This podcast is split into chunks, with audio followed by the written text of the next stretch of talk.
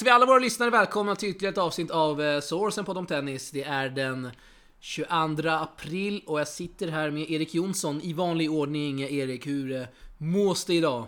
Det mås alldeles strålande idag. Det är fantastiskt väder och eh, tennis på TV, så det kan inte vara så mycket bättre. Vi måste bara säga det att vi, vi kikar här på Rebecca Petersson mot eh, turkiskan Ozgen heter de va? Ja, Ozgen. Eh, Har svängt rejält här. Svängt re- rejält 6-1-2-6-3-0 står det just nu då till Rebecca. Så hoppas att hon lyckas lösa det.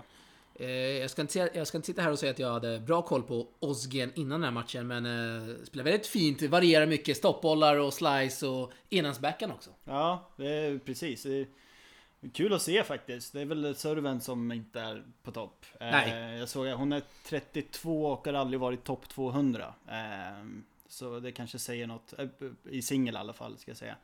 Så det kanske säger något om hennes kvalitet, men man undrar lite grann när man ser henne spela så här. Eh, Vi har ju sett on court coachning från eh, både, från båda spelarnas respektive tränare. Marta fick vi se prata svenska då med sin dotter, tillika spelare Rebecca Petersson.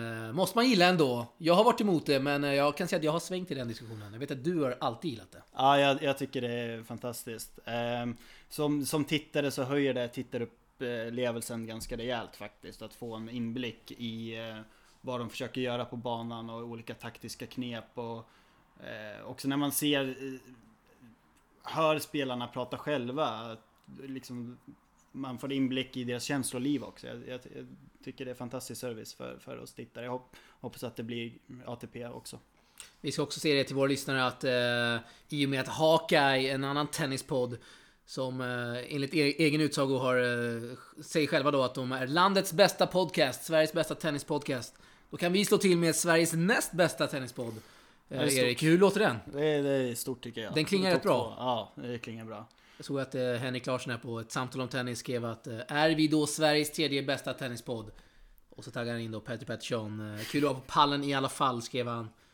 Jag svarade att vi kan vara delad tvåa, så vi kan Ja. väl se att vi är delad tvåa med ett samtal om tennis. Eh, Ja, det, är, stort ändå! det är stort. Det är en eh, jättebra podcast som jag har följt i många år. Den, den eh, rekommenderar jag.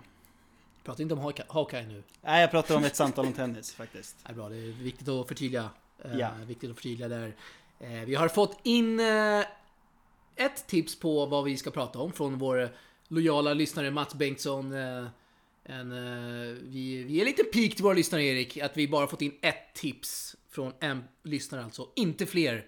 Och vi, vad vi ska prata om idag. Skandal! Ja, det, är- Säger jag. Ja, det är det som är det skandal. Jag tycker att eh, ta chansen och eh, påverka eh, upplevelsen, lyssnarupplevelsen. Vi ger ofta cred till våra lyssnare och det ska de ha. Ja, Men ibland så piskar vi dem också när de, eh, när de förtjänar det. Och det, Ja. gör, det gör de nu också. ja, det får vara lite love-hate relationship. Ja, jag håller med. Jag håller med. Eh, vi ska... Vi gör så här, vi går direkt in i Monte Carlo och eh, summerar den tävlingen, Erik. Mm. Vart eh, börjar vi? Börjar vi med Rafa Nadal eller börjar vi med Fabio Fognini? Jag måste nästan börja med Fognini tycker jag. Fabio Fanini is a Masters 1000 champion. He can barely believe it. He's the first Italian to win here in Monte Carlo since 1968. What a week it's been for Fabio. Vilken eh, turnering han gör. Eh, alltså det, det är ju som är, det alltså, Jag vet inte vad jag ska säga. Han kommer, han kommer dit efter att ha varit usel egentligen hela året. Eh, har en skada i vaden, har en skada i armbågen. Men så går han och vinner ändå. Slår ut Nadal på vägen. Alltså det, man vet aldrig vad man har honom Fognini men han har ju aldrig vunnit en master förut. Så att Nej. det skulle komma nu när han är i dålig form och skadad. Det är kanske typiskt Fabio men jag såg det inte komma. Kan jag säga. Jag såg att några twittrade om det att eh, Paul Timmons, som vi följer båda på Twitter, Mm. eh, från eh, Storbritannien va, England, där eh, skrev att, twittrade att eh, det är få som är mer underhållande att se på när Fabio Fognini spelar sin bästa tennis. Och man kan väl bara hålla med egentligen. Det är, en- det är, en, det är vackert att se när Fabio spelar, spelar på topp. Ja, den, den bollträffen han har är ju helt otrolig. Ehm, hur, han, hur han kan ta bollen på uppstuds utan egentligen något fotarbete alls och ändå få perfekt träff. Det, är- det är helt otroligt. Det twittrade också om. Framförallt när Rafa slår dem högt mot hans backhand. Han är typ den enda som kan gå in och döda. Rakt. Eh, ja, eh, Eller skrev du det? ja precis. Un, ungefär så. Eh, Du har ändrat dig? nej, jag, jag vill förtydliga kanske Ja, snarare. det är bra. Eh, för vi, Djokovic kan ju också göra det såklart. Men grejen är när Djokovic möter Rafas forehand på sin backhand. Då gör han det så bra för att han kan ta den bollen så högt upp. Han tar den liksom i huvudhöjd och det påverkar honom inte riktigt. Det Fognini gör istället är att han tar den direkt på uppstuds. Kanske i midjehöjd till och med.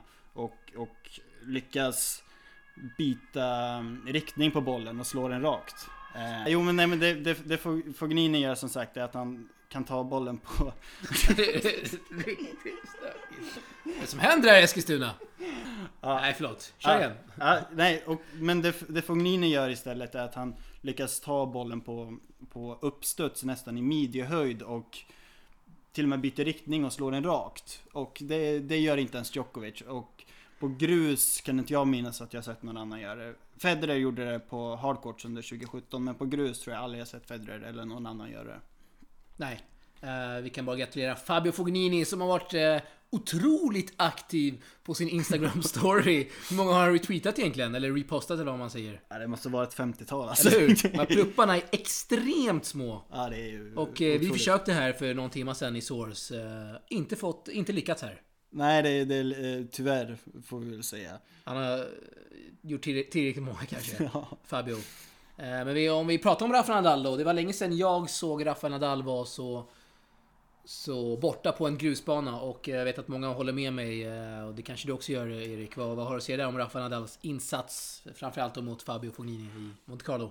Ja, eh, Rafa Nadal håller också med dig. Han sa att det var kanske... Gör han det? Ja, han sa att det var kanske hans sämsta grusmatch på 14 år. Det, det är svårt att se emot för det, det var eh, riktigt dåligt faktiskt. Eh, på, på ett sätt som man ibland kan se från honom på, på uh, hardcourts eller så, men det är extremt sällan vi ser det på grus. Han hade några bottennapp under 2015, men jag tror inte ens då att det var så här illa faktiskt. Nej. Nej, och vi får väl... eh, Jag vet inte om man, hur mycket man ska ta med den här matchen och liksom eh, spå hur det går i Franska öppna. I och med att det, det är bäst av fem set. Vi vet vad Rafael Nadal gör med sina motståndare när det är bäst av fem och eh, hur, hur bra han faktiskt är när det väl vankas. Franska öppna, vad, vad tycker du? Hur mycket ska vi ta in den här matchen och kanske spå vem som vinner då? I franska. Nej, jag, jag tycker det är alldeles för tidigt att säga. Eh, han kommer ju spela... Vi får se om han spelar Barcelona den här veckan nu. Men eh, annars är det Madrid och Rom kvar också. Och eh, Eh, det kommer nog säga mer om eh, hans franska chanser än det här. Men just nu i tillfället så lägger jag inte så mycket vikt i det. Förutom då att han själv hintade emot och det syntes på honom att han inte var 100% fysiskt. Att han fortfarande dras med lite skador och ehm, det är väl framförallt det man får hålla ett öga på tror jag. Vi såg eh, Medvedev spela ut Djokovic nästan med en taktik hämtad från Djokovic. Kan man säga så? Eller tycker jag att jag överdriver här? Eh, lite åt det hållet i alla fall. Eh, Medvedevs coach var det väl och även, även Monfils coach faktiskt har sagt att Med, Medvedev påminner väldigt mycket om eh, Gilles Simon faktiskt framförallt. Eh, och det känns konstigt att säga om någon som är två meter lång nästan. Eh, Och servar väldigt bra. och servar väldigt bra. Så det, han är väl kanske i så fall en Simon 2.0 eller något sånt Ja, där. det där eh, fick du till den. Ja, jo men det, det, det är den där flacka backhanden och det är en bit bakom baslinjen och det Ja, det, det är inte jättevackert alla gånger men det är oerhört effektivt. Och han, han har ju inte varit bra på grus förut heller. Han har ju Nej. knappt vunnit en match på grus. Och så, Det fanns ju stora oros, orosmoln där över hur, hur pass bra han skulle spela i Monte Carlo. Många var väldigt tveksamma där, men eh, han eh, gav en... Gav, eh, tystade ner sina kritiker kanske i och med den insatsen. ja, alltså grejen, grejen är det. veckan. Ja, grejen han spelar ju väldigt flackt och då på, på gruset så eh, får han inte ut lika mycket av det. Men samtidigt så är han ju som sagt väldigt fysiskt stark och eh, väldigt stabil och räds inte långa dueller. Så det är klart att det finns utrymme där för det också. Även om jag tror att det är framförallt på fast underlag som han kommer ha flest, mest eh, framgångar i framtiden. Tror du att vi får se en final där mellan Djokovic och Nadal. Kan vi spika in det redan nu i Franska öppna eller är det tok, på tok för tidigt? Eh, på tok för tidigt för, för båda två tycker jag. Eh, eh, eh, eller ja, är Nadal frisk så är han där. Men eh, Djokovic... Ja han är väl, han är väl... Eh, är han nummer två? Han är, nummer, typ- han, eller? är, han är nummer två men eh, det finns fler potentiella minor för honom att kliva på än för Nadal skulle jag säga. Typ Dominic Thiem. Typ Dominic Thiem, Wawrinka om han hittar form. Eh, ja alltså. Han förlorade förra året mot Cecinato, varför finns en annan, en annan Djokovic? Och nu har han förlorat mot Medvedev och Kohlschreiber och... Jag tror att det blir en annan Djokovic när det väl vankar slams men... men Eh, det, är, det är ändå, eh, börjar bli några märkliga förluster på rad nu och det ska bli intressant att se om man kan tända till mot slams. Han säger att slams är hans stora, nästan enda mål just nu men eh, Ibland undrar jag om man bara kan klicka på en knapp liksom. Så det, Ja, tillbaka till Fabio Fognini då. Kan vi förvänta oss att han nu då i Franska öppna eh, gör resultat eh, liksom kontinuerligt? Vi har ju sett att det har varit väldigt bristfälligt i Fabios karriär. Han kan göra en, en fin vecka och så nästa vecka så tankar han liksom eller gör en väldigt slät figur. Sådär. Vad, tycker att vi kan förvänta oss att Fabio verkligen ska prestera nu vecka in och vecka ut efter den här titeln? nej. Inte? nej. Det är Alltså- fortfarande Fabio Fognini vi pratar om. Ja det är fortfarande, alltså han... eh, Det skulle inte förvåna mig om han vinner nästa match i september. Alltså, man vet aldrig med honom. Nej, Det är eh, svårt att säga. Ehm, vi har ju diskuterat det här väldigt många gånger förut. Ja. För, förvisso lär han vilja göra bra ifrån sig i Rom, i och med att det är hemmaplan och så vidare. Eh, så där kanske vi får se honom tända till, men innan dess så har jag svårt att se det. Uh, yes, lite breaking news här eh, Erik, mitt i podden. Vi har Rebecca Petersson som servar för matchen, leder 5-0, 30 lika. Mm. Bör serva hem det här mot turkiskan Ozgen. Eh, och vi kommer prata mycket om Rebecca i det här avsnittet. Där har hon 40-30, det är matchboll. Ytterligare breaking news här. Ja. Men eh, Så kommer vara utdaterat när det här släpps. precis, så, så kommer det bli. Eh, vinner hon här så kan hon nu möta... Uh, står still här i mitt huvud, du vet vem hon möter i Ja, det var ju, andra runda. Eh, första sidade... Suarez Navarra va? Ja, Suarez Navarro, precis. Och, men utöver det så finns inte jättemånga hot i den här tävlingen i och med att vi har en väldigt stark eh, VTA-tävling i Stuttgart. Ja, precis. Eh, det här- är ju den mindre turneringen av de två. I Stuttgart är de flesta toppspelarna, sex topp 10 spelare. Eh, inga topp 10 spelare här i Istanbul och det var väl bara en eller två topp 30 tror jag. Så det är Suarez Navarro på grus, det är jättesvårt. Men lyckas hon ta sig, ta sig förbi där så eh, finns stora möjligheter att gå långt. Och där vann precis Rebecka. Hon har, gör en eh, bagel i tredje set, vinner 6-0. Rebecka vidare. Eh, vi slänger in en fanfar här Erik, visst gör vi det?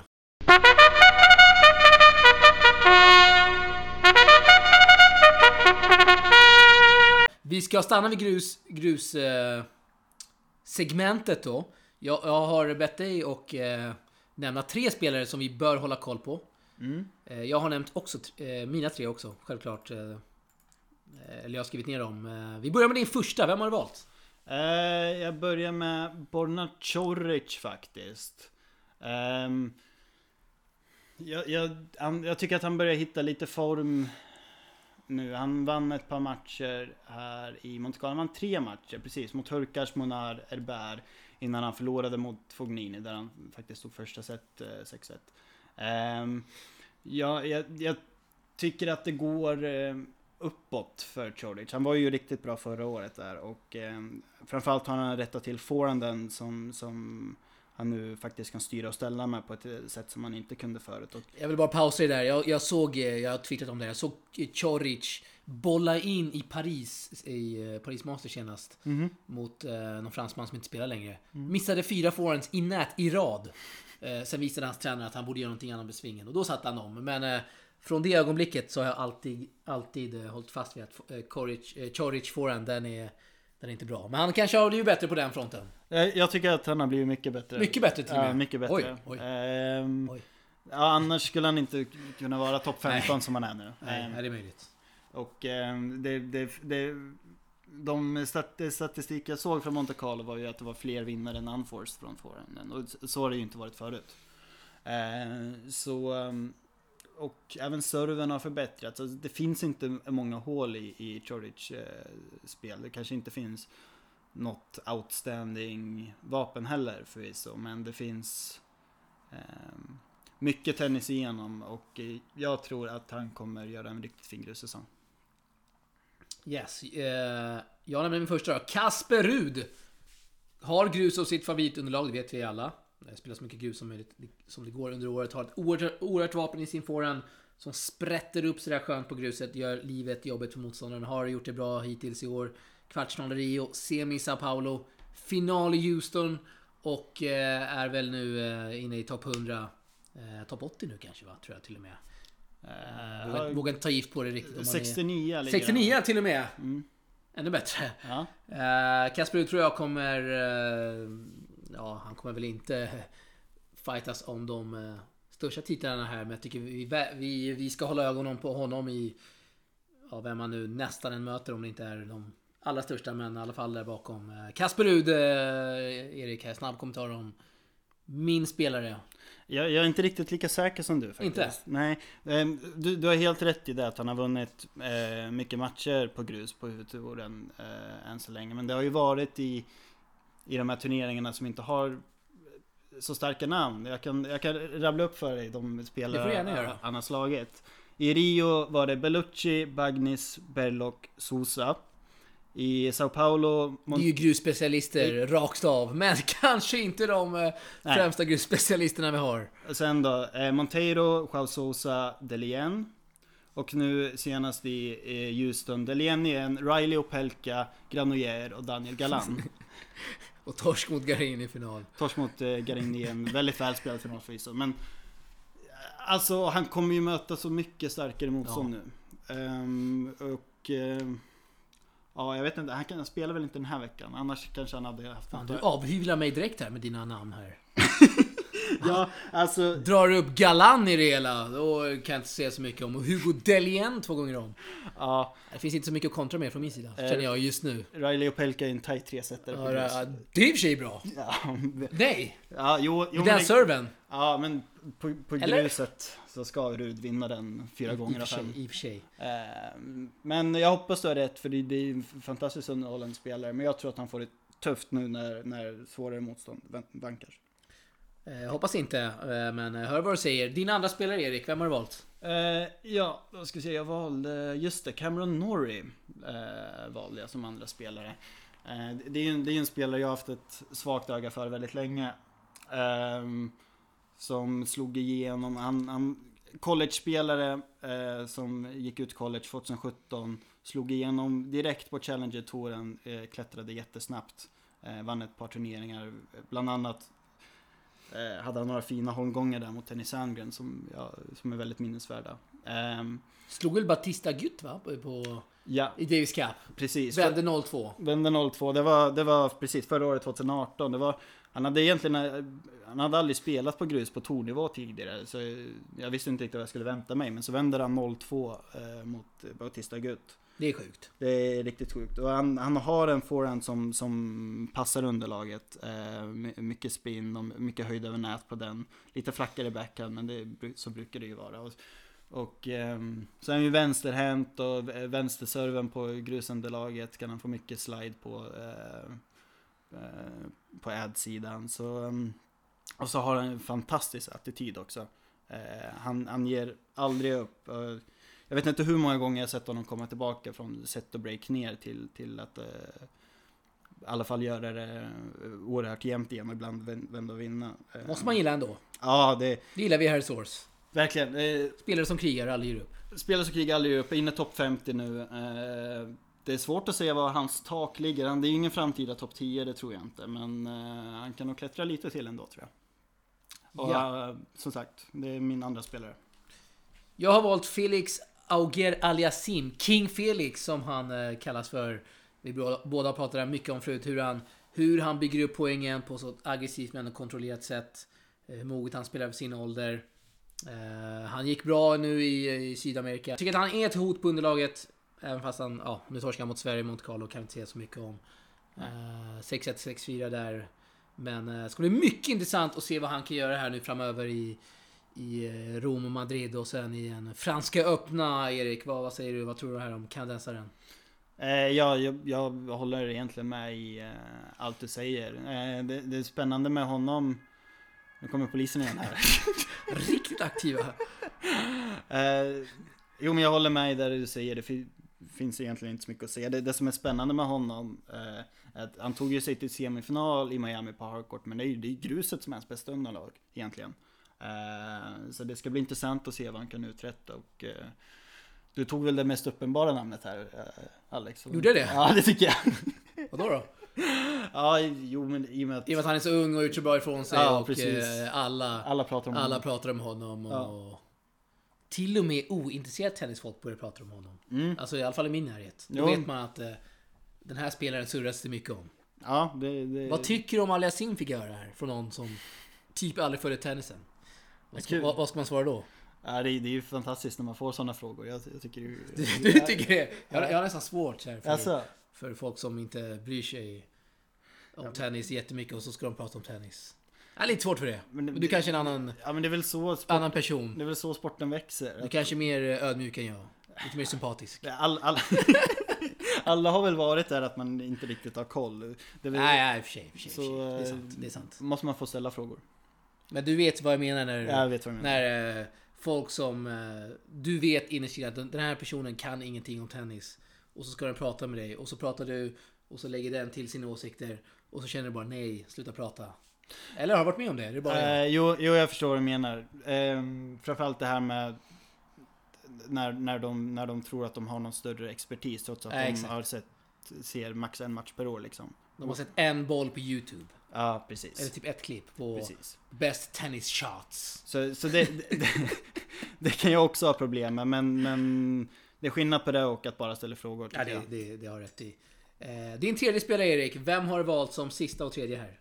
Eh, Hubert Hurkacz. Oj, oj. Ja, en eh, spelare som egentligen har slagit igenom den här säsongen. Eh, gjort det bra, var framme i, i kvarten i Indian Wells bland annat. Eh, har ett stort spel i sig. Eh, lite orättvist ibland så jämförs han med spelare som Kevin Anderson och, och liknande. Inget ont om gode Kevin, men det, det finns mer än stå och slå hårt i Hurkacz. Han, han har en fin touch. Han har en eh, backhandteknik som är identisk med Andy Marys egentligen. Eh, och eh, har gjort det bra på grus förut, har bland annat en Challenger-titel där. Eh, och han kommer, han kommer in med, med stort självförtroende nu. Jag, jag tror att vi kan se fina grejer från honom. Han rör sig väldigt bra. Jag vet inte om du nämnde det här, men han rör sig väldigt bra med tanke på hans eh, längd. Ja, han rör, han rör sig fantastiskt bra också. Det är helt, helt rätt. Yes, eh, polacken där, uh, Hubert Hurkacz, uh, Polens, uh, Polens hopp nu när Jerzy Janowicz inte är med i leken längre och Radwanska har väl tackat för sig också. Mm, precis. Ja, det är väl Fuksovic också då. Han är från Ungern. Det är han. Det har du Det får vi klippa bort! Det får vi klippa bort. Uh, det får bli en blooper. Ja, precis. Ungern, den är bra. Ja. Han spelar inte Budapest den här veckan, vilket är sjukt. Han tappade ner från Ungern, Fuksovic. Ja, precis. Vi kan stanna där med ett litet skönt sidospår innan vi går vidare på min tredje. Ja, det var, det var eh, Paul Timmon som vi nämnde förut lyckades gräva fram att eh, han och ungerska tennisförbundet eh, var, mm, inte var överens. De hade bråkat eh, för något år sedan. Eh, de hade använt eh, Fuksovic väldigt mycket för att eh, marknadsföra ett Davis Cup-event fast de hade aldrig hört av sig till Fuksovic för att ens eh, fråga om han skulle spela. Ja, det låter ju mycket stökigt. Låter jättemärkligt. Så man, man förstår att, att Fuksovic inte är jättenöjd med det. Nej, det kan jag förstå också. Där, där är vi team Fuksovic, eller hur Erik? Ja, absolut. 100%. Och eh, min sista och tredje det är Pablo Cuevas. Vi vet, vi allra flesta vet nog vad, eh, vad Cuevas är kapabel till på grus. Eh, som de flesta sydamerikaner är. Han vann precis Challengern i Tunisien här efter att i princip gett varje spelare en lektion i hur man spelar grustennis. Torska inte ett set på fem matcher.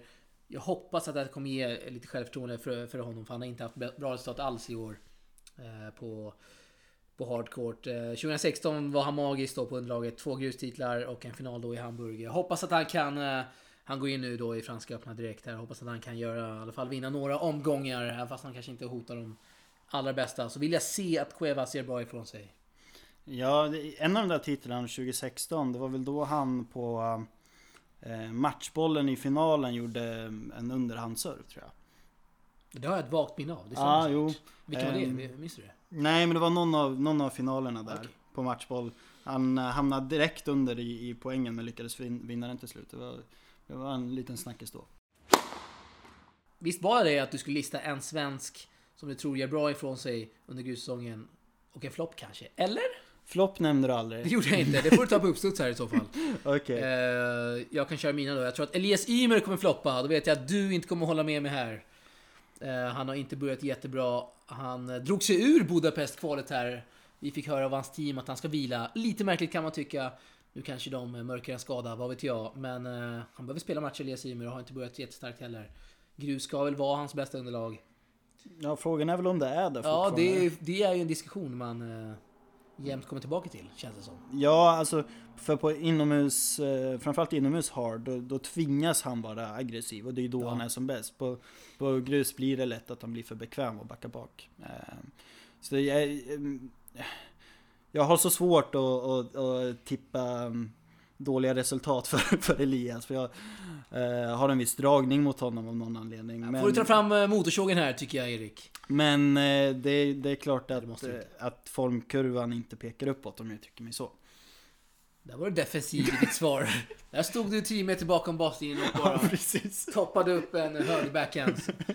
10 meter upp i luften kan man säga. För att prata på grusspråk eh, Erik. Munboll. Men så får det vara, munboll precis. Eh, Rebecca Petersson har vi snackat lite om. Jag tror att hon kommer göra succé här. Vore väldigt stort om hon vann nu mot eh, Carlos Suarez Navarra och gick långt. Jag tror verkligen det. Om hon nu vinner den så tror jag att hon kan, hon kan gå hela vägen här i, i Istanbul i Turkiet. Turkiet. Ja, hon hade ju närmare 30 vinnare idag. Bara en sån sak. Det är helt otroligt. Ja, är faktiskt. Helt otroligt. Och du är inne på forehanden. Det är ett fruktansvärt vapen. Eh, hon, är, hon har ju hon har växt upp med grus i princip. Eh, tillhört Järfälla Tennissällskap i många år. Nu är hon på Good Great. Eh, där har de fyra grusbanor med ett sånt här, vad säger man? Grönt underlag. Ja, Säger man det? Ehm, hard true heter Hard det. true. Ja, precis. Där har hon drillats och, eh, och eh, säger själv att hon, att hon har grus som sitt främsta underlag. Mm. Eh, så Rebecca Petersson, Yes. hon vill vi göra succé Erik. Ja, jo det Är du med där? Ja, ja, ja absolut, självklart. Du kör Eh, ingen floppstämpel där inte? Nej, nej, nej, nej. Jag, jag tror som du att hon kommer eh, plocka några fina resultat här på gruset. Eh, passar henne spel bra som du säger. Och, eh, Om du får bolla upp en som är succé då, är det Lindell eller? Vann en 25 här precis.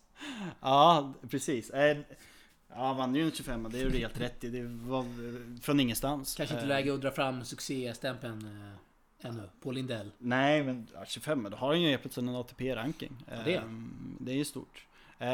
Men jag, jag kommer, återkommer det här året till att jag tror att Micke Ymer eh, kommer göra bra ifrån sig. Han var ju i final i Murcia va? Stämmer. Eh, på, på gruset där och förlorade mot Carbajis Baena vilket är helt okej. Det är en bra grusspelare. Ja, verkligen. Eh, och spelar den här veckan i Francavia eh, Uttalet är jag osäker på. Eh, en baj i första omgången så Frankavilla Challenger. precis. Ja, jag, jag tror att framförallt på, på gruset där servern inte är lika viktig.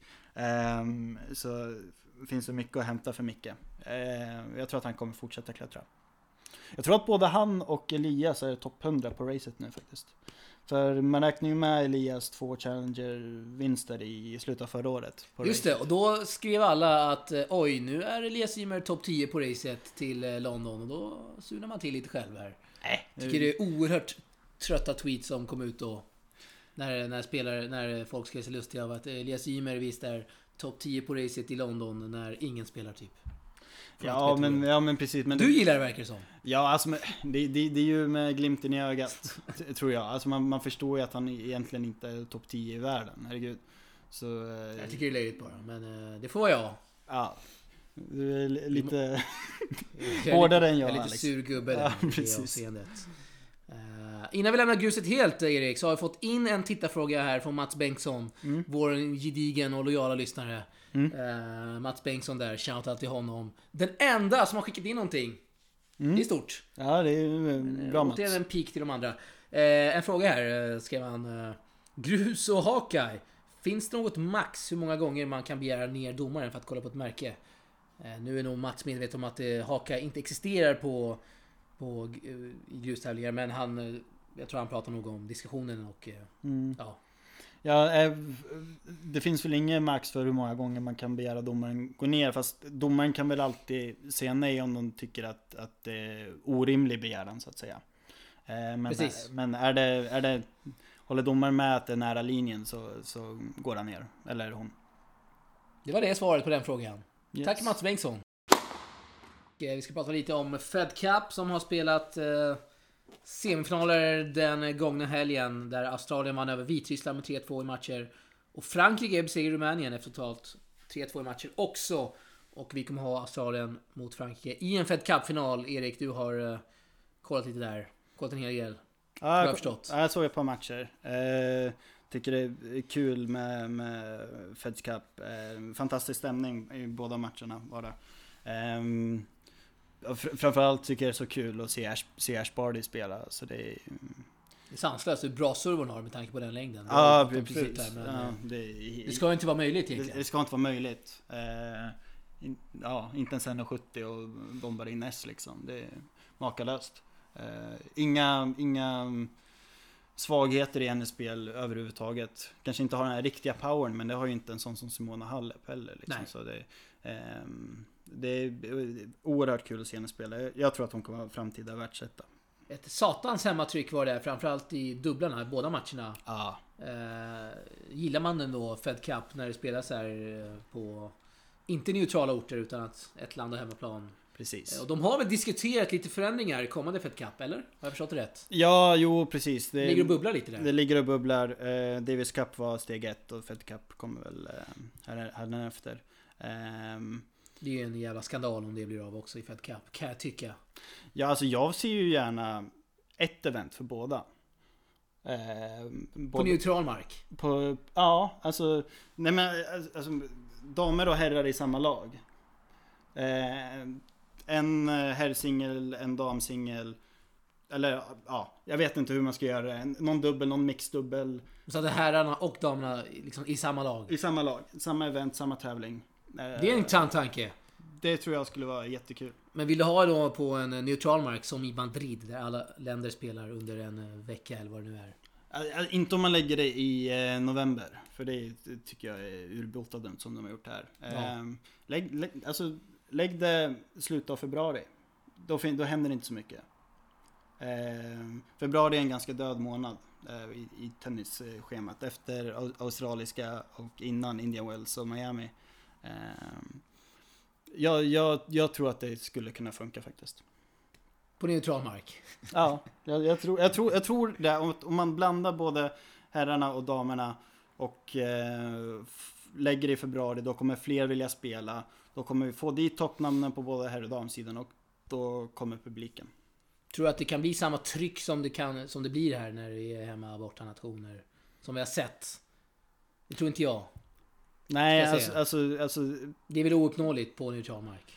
Men Det- jag förstår var du vill komma liksom. Ja, precis. Det svåra blir ju att eh, locka fans att, att resa dit från andra länder. Men eh, säg, säg att man gör det varannat år istället för varje år. Till exempel. Det kan jag också hålla med om faktiskt. Blir- Eh, då blir det en som större EM i fotboll till exempel. Ja, Man vill inte ha ett VM i hockey. Där det går varje år. Ja, Det det, blir ju... det, är, ju- det är så tråkigt. Eller hur? Det är så tråkigt. Ehm, Man bryr sig knappt längre. Nu är inte jag någon hockeyfantast där men... eh, Jag har ju tagit del av diskussionerna givetvis. ja. Nej men jag, jag tror att det skulle funka faktiskt. Ehm, men om, om vi pratar om Fed Cup nu. Det blir Ja. som sagt, det blir Australien och Frankrike i finalen. Som går i Australien va? Går i Australien. Och vet, vet du varför Frankrike inte kommer vinna? För att eh, Beneteau är tränare i Frankrike. Precis. Det var någon som skrev om det och jag... Jäklar vad jag skrattade. det, det är faktiskt bra, bra skrivet där. Ja, precis. Han, han, har, han har ju inget... Julian Beneteau ska vi nämna. Hade var nio ATP Tror Förluster i final va? Fler än så, jag tror jag 10-11. Hade matchboll där mot Sosa. Ja, Jao Sosa. precis. Eh, bästa spelaren som inte vunnit en titel brukar han kallas. Ja, Och det är väl... extremt choke. Undrar vad han säger då inför match där mot... eh, undrar om han eh, drar fram någon egen anekdot där att eh, gör inte som jag eller något liknande eller lyssna på mig nu. Ja. Nej det kan inte han säga det, riktigt. Han, han, är, han, är, han, är ju, han, han var ju däremot framgångsrik i dubbel. Vann bland annat en, en slam med Bolelli. Nej, det var inte Bolelli. Han vann med Roger Vasselin. Så var det. det så. I, I Franska öppna. Mm, precis. Det var Fognini som vann med Bolelli, så var det. Så var det. Bra att vi fick det förtydligat. Yes. Eh, ja du Erik, vi lämnar Fed Cup och ursäsongen och eh, vi, eh, vi går över till Svenskkollen. Vi ska ringa upp eh, Linus Frost, så gör vi. Då har vi med oss Linus Frost på tråden. Linus, hur är läget med dig idag? Jo då, det är bara bra.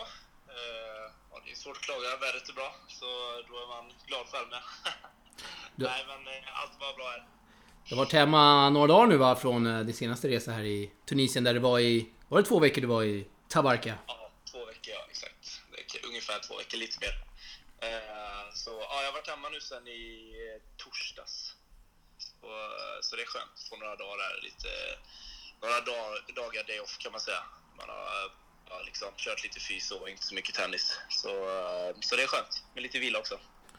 Hur, eh, du har haft en ganska tuff säsongsinledning här med eh, 1-7 i matchfacit. Hur, hur tufft skulle du säga det har varit för dig nu här i... Under inledningen av 2019? Ja, nej, jag började ju, eh, jag började ju starkt med 1 där i singlar. Eh, men, eh, men sen har det gått eh, ganska dåligt faktiskt. Jag har haft lite problem med skador och så med, med knäna bland annat som, som inte riktigt velat gå till sig. Som också har lett till att man har nej, har förlorat lite mer matcher än vad man kanske önskat och det är väl kanske lite sämre confidence också. Så det har varit en blandning där mellan skador och, och, och inte riktigt kommit upp i, i den nivå jag vill, skulle jag säga. Eh, men eh, ja, det är väl bara att försöka ta nya tag. Jag kommer hem nu och får vila lite och rensa skallen och, och försöka tagga om mig inför svenska futurerna. Så också att spela bra där. Hur, eh, du nämnde lite confidence där. Hur jobbar man mer mentalt liksom när man är ute och, och kanske hamnar i en lite sämre trend? Hur, är det något specifikt man jobbar på liksom? försöker bryta den trenden eller kör man på som vanligt? Alltså, när det gäller mig så, så är det ju bara att försöka för det första få ordning på mina knän så jag kan spela fullt ut. Eh, sen är det också, det är klart när man är iväg och reser så och så spelar som jag har gjort, framförallt i singel och eh, och torskat mycket första runder eh, så blir det ju många dagars väntan inför nästa vecka och nästa nästa tävling så, så det är klart att det är lite tungt liksom att gå runt och, och, och bara träna och invänta när man vill egentligen bara spela matcher liksom. Eh, så det är klart det är en mental jobbig bit och det får man ju bara försöka jobba med. Man får försöka se det positiva, att man får, ja, man får tillgång till att träna så mycket som möjligt och, och ja, man får försöka glädjas åt att vara ute och resa i alla fall och se ja, så positivt på det som möjligt. Eh, och försöka jobba ännu hårdare bara. Så, så, så kommer nog formen, hoppas jag i alla fall. Härligt, hoppas vi är med. Eh, du är ju en av få svenskar med ATP-ranking. Hur, hur skulle du säga att Transition Tour har påverkat dig och din tävlingsplanering? Eh, för mig är ju, har den ju påverkat mig på ett sätt positivt eh, när det gäller att jag såklart får en bättre världsranking än vad jag hade haft. Jag får en 200 placeringar bättre än vad jag annars skulle haft. Och, och också en stora möjligheter då när det gäller att bli sidade i de här i alla fall 15 000 eh, dollars tävlingarna då. Eh, och, och så sätt, så jag kommer in i main då i alla, i alla de här futurerna i princip och, och i princip rätt många 25 också. Eh, så det är klart, det är en jättestor fördel för mig. Eh, men, eh, men samtidigt så, alltså generellt så, så tycker jag ju inte att det är något eh, alltså, jättebra system som har, som har kommit upp eftersom att det är tuffare för oss alla. Alltså, jag har lyckats ta spelpoäng absolut, men det är ju desto svårare att försvara också. Eftersom att enda sättet att få ett spelpoäng idag när det gäller i Futures är ju att gå till final igen i en 25 tror jag det är va? Ja, stämmer, Eller, stämmer. eller semi en 25 plus H. Eh, Så det är liksom, det är tufft. Eh, Det krävs mycket för att, att försöka kunna hålla kvar sin ATP-ranking. Eh, Och sen så är det även mycket tuffare med det här systemet för att kunna komma upp och spela Challenger då. Eh, Det krävs ju så mycket mer. Eh, Jag tror jag tror att alltså Max Eriksson berättade för mig att han låg, eh, han ligger väl bland 60 eller något sånt där eh, på ITS. där och man måste vara i princip just nu i alla fall topp 15 eller topp 10, topp 15 där för att kunna få de här ITS eh, Transition Tour-platserna då. Uh, vilket gör det väldigt tufft och för att komma in i ATP-rankingen måste man väl kanske ligga runt 300 eller sånt där. Uh, så absolut så, så är det ju enligt mig ett sämre system uh, som gör det svårare för oss Future-spelare att ta sig över till en Challenger-nivå liksom. Det är tufft. Det är tufft. Vi lider, lider mer där, eller hur Erik? Jajamän. hur är vi? Har, vi har sett dig på Instagram där mycket med Linus Freund som du vann en titel med i dubbel, Martin Eriksson och Filip Bergvi. Eh, hur mycket underlättar det att ha svenskar med sig eh, på tävlingar som man kan hänga med utanför banan när man inte spelar och sådär, när man tävlar ute? Ja, men jättemycket.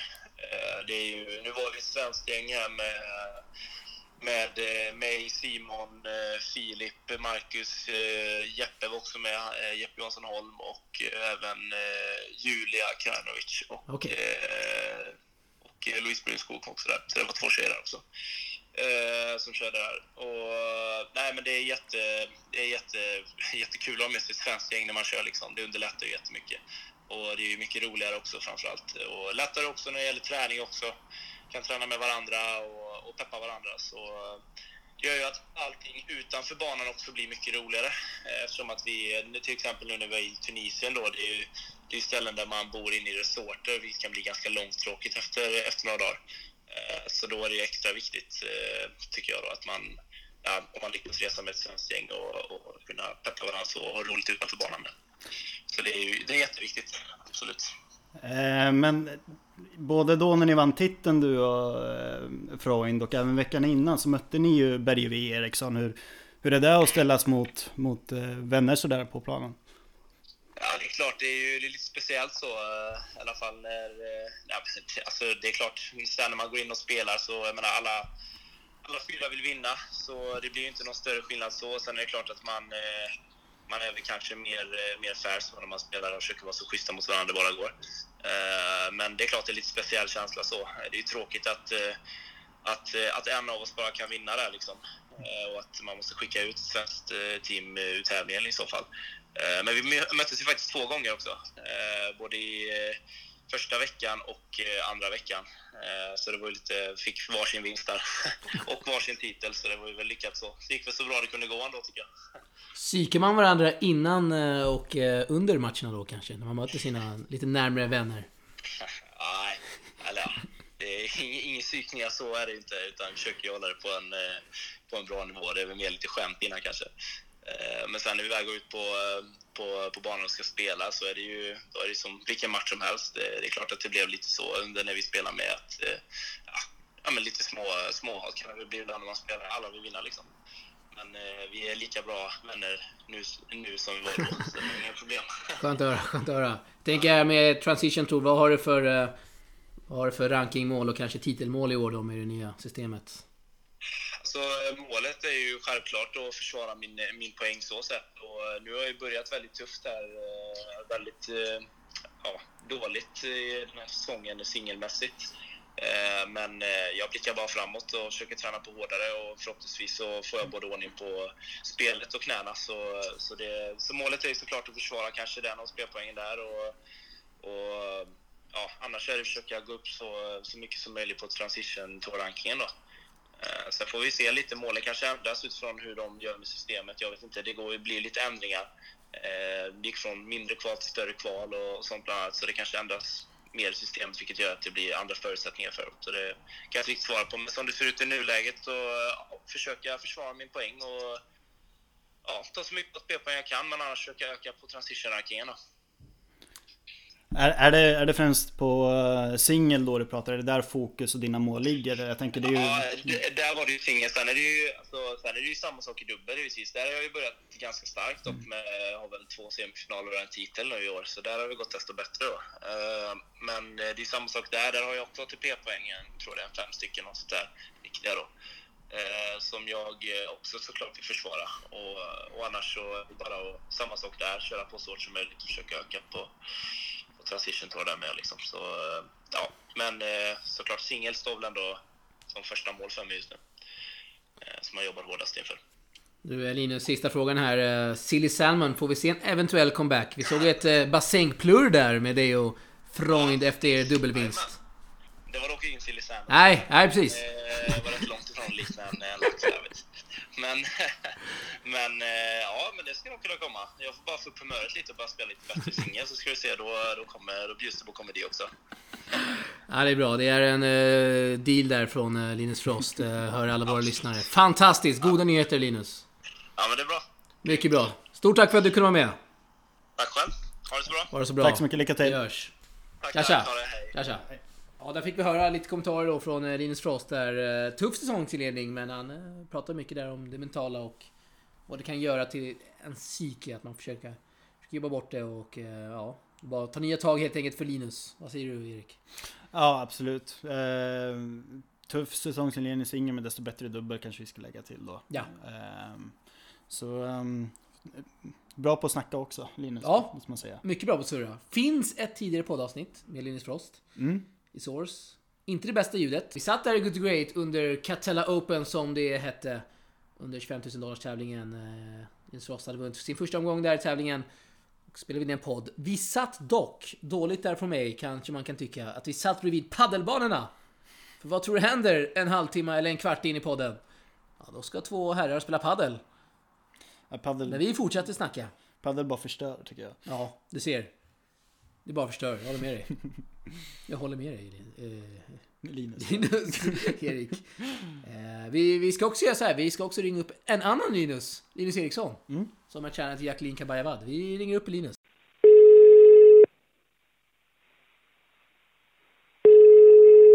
Ja, då har vi med oss Linus Eriksson, tränare, tränare till Jacqueline Kabayabad, eh, som är i Uzbekistan just nu. Och därför kanske har vi...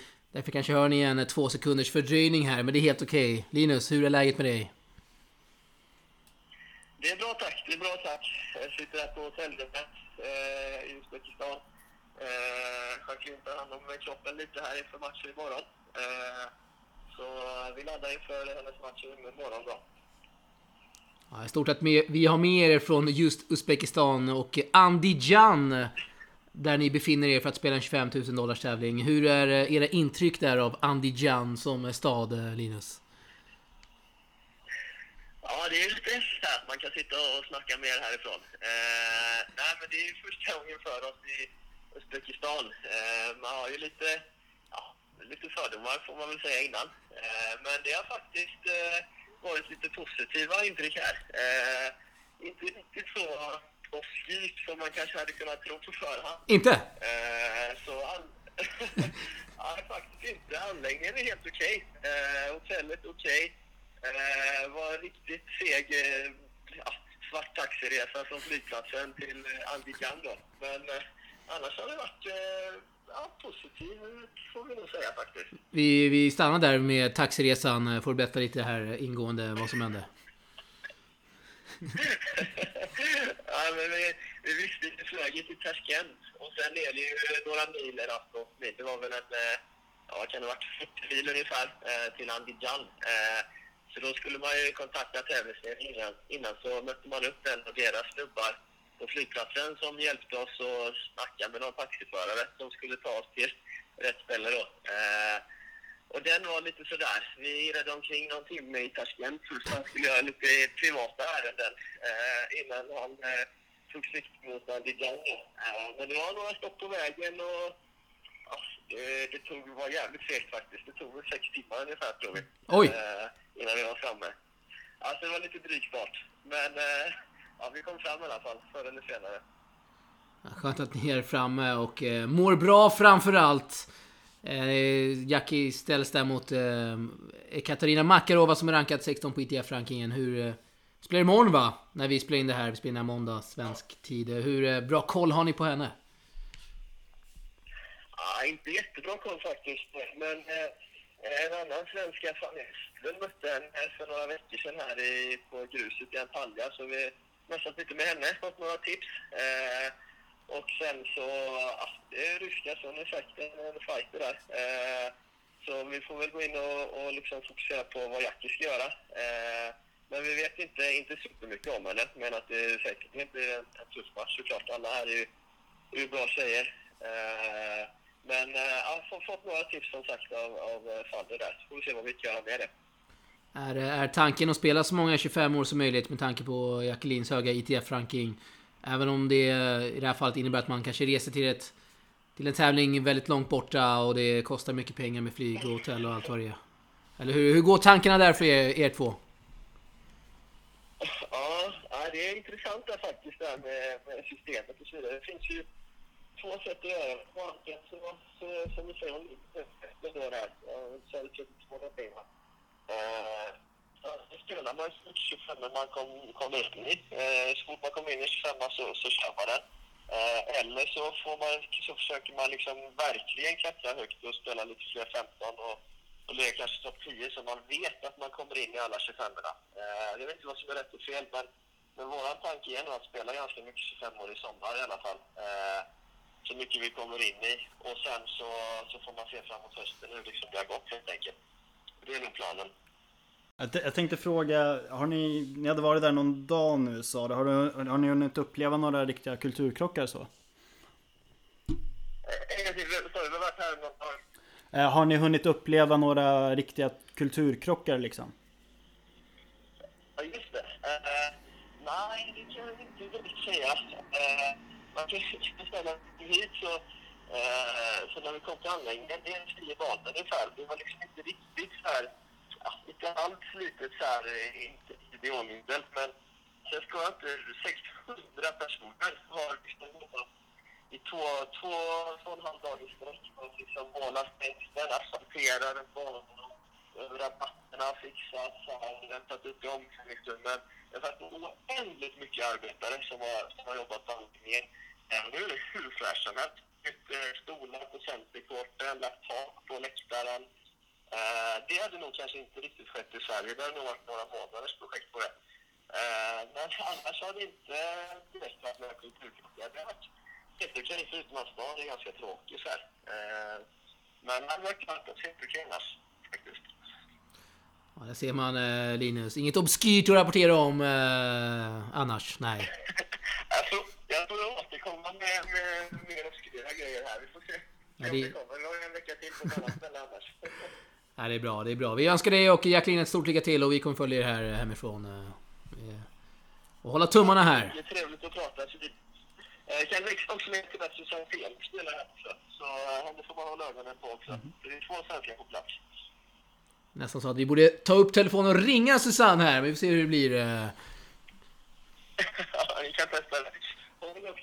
Stort tack, stort tack Linus. Kör hårt. Lycka till! Ha det bra, hej hej. Ja Erik, där fick vi höra lite rapporter från Ines Eriksson. Eh, Ganska knackig, säger man knackig? Brusig tråd där från Uzbekistan. Men eh, det är just Uzbekistan. Det kanske man får eh, räkna med Erik. Vad säger du? Ja, får man räkna med lite grann. Vi får nog vara glada att han ställde upp helt enkelt. Absolut. Och våra lyssnare kanske får gissa sig fram till några ord där, där man inte riktigt hörde vad, vad Linus sa. Men jag tror det mesta kom fram idag. Jajamän.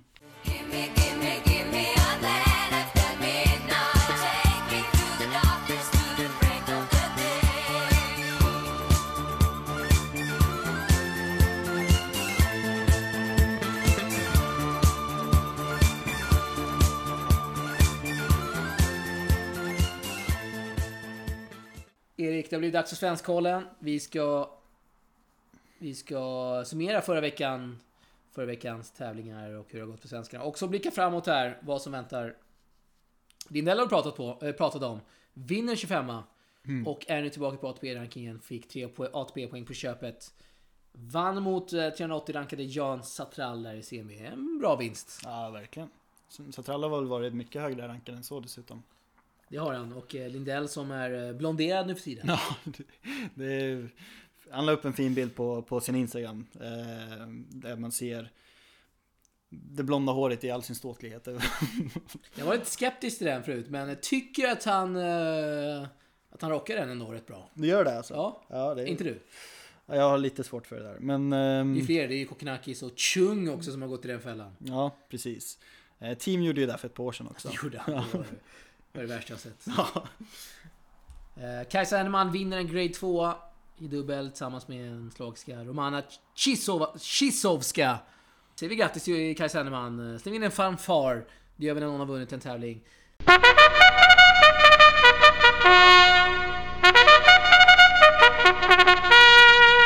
Simon Freund och Simon Carr.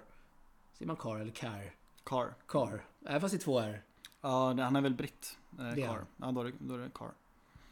Är det det? Ja, det är helt säkert. lämnade Vio där i Tabarkas 15 000 dollars tävling. Då undrade jag, vad hände där? Så jag skrev ett äh, mest till Freud. Då skrev han att äh, Carr hade sträckt magen. Sträckt magen. Jobbigt. Ja, Det är Freud som äh, gjort bra i dubben på sistone. ja han, han radar ju upp fina, fina resultat, Freund. Ehm, ja, intressant att se vad, vad, vad han gör resten av året. Ja. Eh, torskade också i singeln mot ja Jacobo Berrettini. Är det Berrettinis brorsa? Ja, där. Det är det. De är bröder. Han är ju, han är ju rätt duktig, vet vi. Gjort bra ifrån sig. Vann idag. Gjorde han. Yes. Jag tänkte på Jacobo. Ah, Jakobo. Ah, ja, honom har jag inte lika bra koll på. Och eh, Carl Friberg torskade i, kvartsfinal där mot Shevchenko i Antaljas 15 000 dollars tävling. Inte den tidigare storspelaren från Ukraina och eh, AC Milan, eh, Erik. Utan Alexander Shevchenko, rankat 5-25 på ITF. Och då undrar man, när ska det lossna för 20-åriga Carl Friberg? Ja, det, det, han pratades ju upp väldigt mycket där ett tag. Gjorde han, Ehm, några år sedan. Precis. Ehm, så det, det finns ju mycket tennis där i honom, men Han kör heltid på Good to Great, har bra förutsättningar men eh, inte fått det lossna här i lite mindre tävlingarna. ja, vi, Han vann igen förra året. I Finland. Ja, just det, det gjorde han ja. Ehm, ja, vi får hoppas att det, att det vänder för honom. Carl Friberg. Och eh, Sillen då? Din favorit? Ja, Och eh, Valkov torskade direkt i Challengern i Tunisien. Eh, 10-7 där super tiebreak mot Berkic Draganja. Går fortsatt tungt för Sillen. ja men det var, ju hans, var väl hans första turnering sen eh, februari va? Det var det, tror jag. Ehm, så det är väl bra att han är tillbaka på, på banan igen i alla fall. Eh, absolut, Sillen gillar vi. Du har haft lite kontakt med han. Han har kört en eh, Sillen som stampar här mot Source. Men eh, du verkar ha kont- eh, kontakt med Sillen. Ja, det är en eh, bra kille. Jag håller med. eh, Simon Jitbarek torskade mot Storbritanniens supertalang Jack Draper, 17 år gammal.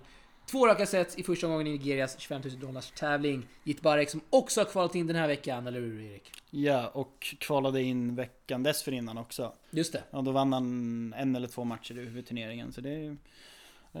Eh, kvala in tre veckor i rad, då får man ändå säga godkänt. Kul att Jitbarek grindar i Nigeria. Ja, verkligen. Och eh, Andreas Göransson, på tal om grind, fortsätter grinda dubbel. André Göransson. Vad sa jag nu då? Andreas. André, inget annat. Eh, Fortsätter att grinda dubbel. Förlorade första där Sarasota mot Huey och eh, Martin. Ett bra dubbelpar. Ja, verkligen. Det är, det är ett ATP-dubbelpar, herregud. Ja. Eh, torskade 10-5. André som spelade med Hunter Reese. Är väl en tidigare college-spelare va? Det borde han vara ja. Jag ty- tror att du skulle ha koll på det i och med att du har koll på college, Erik. ja. ja jag, jag vågar inte ta gift på det, men det stämmer säkert. Göransson kommer ju från college, så det kanske känner varandra från det hållet. Ja, Johanna Larsson eh, spelar i skrivande stund nu. Leder mot Gasparian, ryskan där. 5-4 i första set. Och eh, Cornelia Lister är i, spelar dubbel då i Antalya med Vorakova som i dessa tider Erik kanske mest känd för att nickat in en volley där i Budapest för några veckor sedan. Vägrade erkänna, blev outad på Instagram. Rätt eller fel Erik, att hon blev outad för att ha nickat in en volley och vägrat erkänna. Vad säger du? Det, det är väl eh, rätt. Alltså ibland gör man fel utan att veta om det. Men det är klart att de kände att den, att eh, den tog i huvudet liksom. Svårt att inte köra det.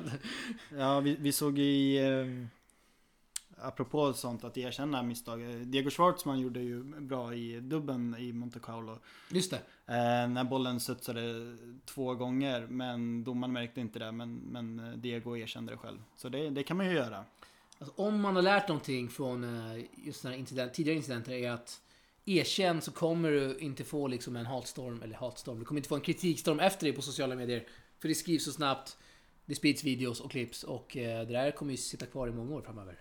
Ja, precis. Eh, vi ser ju eh, college-spelare som har fått väldigt dåliga rykten. Eh, för i, college så har de inga linjedomar utan då är det spelarna själva som säger om det är in eller ute. Och det är mycket fusk där. Ja, oh ja.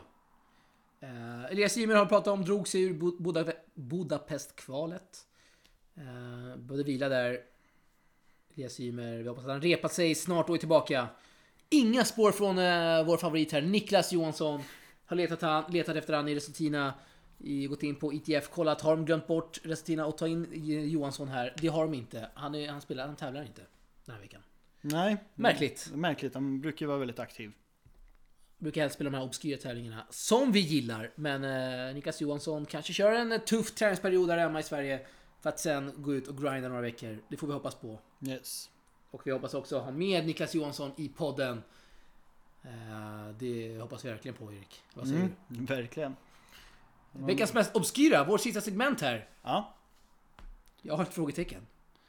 Men eh, du verkar ha någon eh, bubblare. Eh, ja, jag gillar ju eh, Sandgrens eh, breakboll-statistik från finalen i på, eh, Sarasota på det gröna gruset där. I finalen mot Tommy Paul så vann han ingen av 15 breakbollar. Eh, Vilket är helt sjukt. vilket är helt sjukt. Och sam- 0 av 15. 0 av 15 och samtidigt vann då eh, Tommy Paul 2 av 2. Så det avgjorde matchen kan man säga. Ehm, eh, trots att det blev 6-4, 6-3 så kändes det lite oförtjänt faktiskt. Det var en mycket märklig match. Sandgren som enligt dig verkar vara mer defensiv i Challenger-turneringar än vad han är när han spelar ATPS. Ja. Det är väldigt märkligt och konstigt och eh, ja, det kan man inte förstå riktigt. Men eh, du har verkar ha en egen teori till det vad jag förstår. Ja, alltså jag, jag, tycker det är oerhört fascinerande. Eh, under, under 2017 när han fick så mycket framgång på Challenger-touren i USA så gjorde han det genom att ligga en bit bakom baslinjen och grinda ut motståndarna på, på sin stabilitet. Och sen då 2018 kommer till australiska eh, i main draw och helt plötsligt så står han på baslinjen och eh, bombar in forehands som, aldrig, som han aldrig gjort något annat förut. Och eh, det var eh, väldigt märkligt för oss som hade följt honom på, på Challenger-touren. Och så fortsatte han med det så länge han var på huvudtouren. Men nu har han ju ramlat ur topp 100 igen. Eh, Eh, haft en jobbig säsongsinledning och nu när han spelar en Challenger så går han tillbaka till det gamla vanliga med att ligga en bit bakom baslinjen. Helt, helt otroligt. Och eh, ja, men, men, men han tar sig till final. Eh, borde kanske ha vunnit finalen. Så det kanske funkar ändå för honom. Alltså, Ja. sånt spel ser vi ofta lyckas på, på Challenger-touren. Eh, men sen inte på huvudtouren. Så det är väl helt rätt att han lägger om det där. Eh, måste man ändå säga. Men det, det, är- det är spännande att han går tillbaka till det när han hade så mycket framgångar med, med det mer aggressiva spelet. Onekligen. Och eh, Erik, vi har klo- klockat in här på 51 minuter. Vi gjorde en poll på vår Instagram eh, igår. Söndag. Eh, frågade våra tyckare, våra, våra tittare och... Eh, våra tittare, våra läsare. Våra lyssnare. Våra lyssnare. Fjärde försöket satte jag den. Eh, vad de föredrar. Vill de ha en till... Vill de ha 0 till en timma podd? Eller vill de ha en till två timmar? Jag personligen gillar de här lite längre... Lite längre poddarna. Men eh, vi har ett resultat här. Ska vi få fram det bara. 79% vill ha en timme max, Erik. Mm. Får vi väl rätta oss efter det. Och eh, du röstade också. Ja, jag röstade på lite längre. Det måste man gilla ändå. Ja, jag, tycker om eh, när det finns mycket att grotta ner sig i. Patrik Ragan här röstade på max en timme. Ingen skräll direkt, Patrik. Ragan. Årets mest Han vill helst ha en halvtimme max. Ja, Det kommer aldrig ske kan jag säga, men eh, rösta får man göra. det får man absolut göra. Och eh, ja du Erik, vi säger återigen tack till dig för att du kunde vara med här i Source, en podd om tennis. Vi, vi tackar också alla våra, våra lyssnare för alla lovord kring Johan Porsborn det här avsnittet som verkar vara mycket uppskattat. Johan Porsborn hade en fantastisk energi i det avsnittet. eh, Ja, Det skrev du också om på ja, Twitter. ja en, Jag eh, blev glad av att lyssna på det. ja, du. en alldeles underbar intervju. Eh, Som ni inte har lyssnat på den av, av någon anledning, eh, gå tillbaka och gör det. Jag gillar framförallt hur Porsborn uttalade Ken Rosewall med sån inlevelse. Klipper vi in här. Lever och Rosewall. Fantastisk inlevelse Erik. Ja, fantastisk inlevelse. Bra- Bra, bra uttal där. Mycket bra uttal. Mycket bra uttal. Och eh, ja, vi, eh, vi hörs helt enkelt. Eh, våra lyssnare. Vi finns på sociala medier. Tennisportalen. Vi finns på Source, Instagram, Twitter, Facebook. You name it. Vi vill ha mer tips Erik, eller hur? Framöver. Ja, ställ frågor. Eh, tips, vad som helst. Vi tar upp det. Mycket bra och eh, vi tackar för oss så hörs vi vidare helt enkelt. Ha det så bra. baila,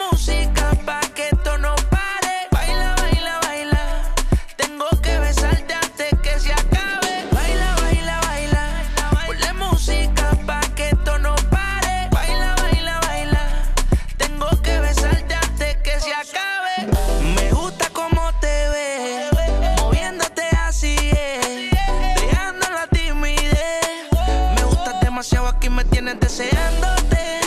Toda la noche imaginándote.